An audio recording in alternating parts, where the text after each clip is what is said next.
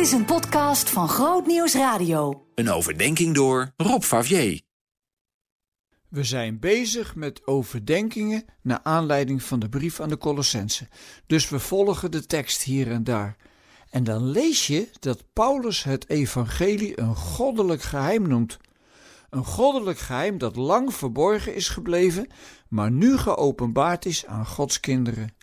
En het geheim is dat Christus in zijn volgelingen is en de hoop is op goddelijke heerlijkheid. Het wordt ook wel een mysterie genoemd, want wie snapt er nu eigenlijk iets van?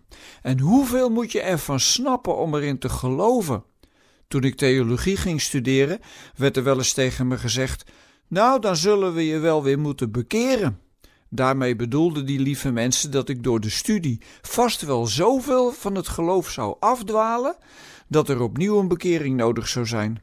Ik moest er altijd een beetje om glimlachen, want als de Bijbel er niet tegen kan dat ik er mijn verstand bij gebruik, dan vind ik het maar een boek van niks. God heeft immers toch ook ons verstand geschapen? Nou, ik ben heel blij dat ik door de studie iets meer heb mogen leren over de achtergronden van de Bijbel en over al die mensen die de eeuwen door hebben geprobeerd hem uit te leggen. Maar ik begrijp er nog steeds niet zoveel van hoor. Nu zijn er ook mensen die dan meteen komen met de opmerking: ja, maar je moet het ook niet proberen te begrijpen hoor, je moet het geloven. Dat gebruiken ze dan als een argument om je verstand maar uit te schakelen als je wilt geloven.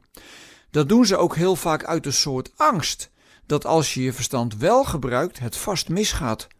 Maar dan is geloven dus toch voor de domme, zoals het spreekwoord luidt. En dan kom ik weer terug bij de vraag: hoeveel moet je ervan snappen om erin te geloven? Volgens mij klopt er iets niet in die zin. Want geloven is iets heel anders dan alle wetenswaardigheden bij elkaar optellen en zo tot de conclusie komen. Geloven is gegrepen worden. Het gevoel dat God je in je kraag pakt en niet meer los wil laten. Maar het is natuurlijk veel meer dan een gevoel. Op een of andere manier word je gegrepen.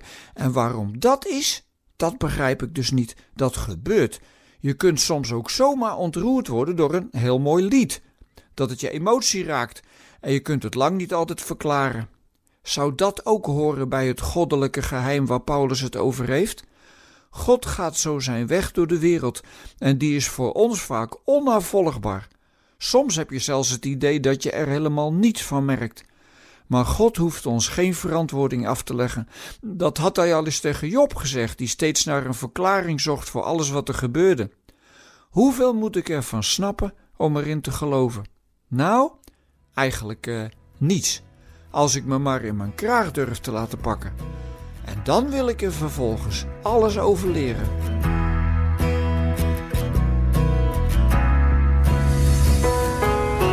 Meer verdieping? grootnieuwsradio.nl slash podcast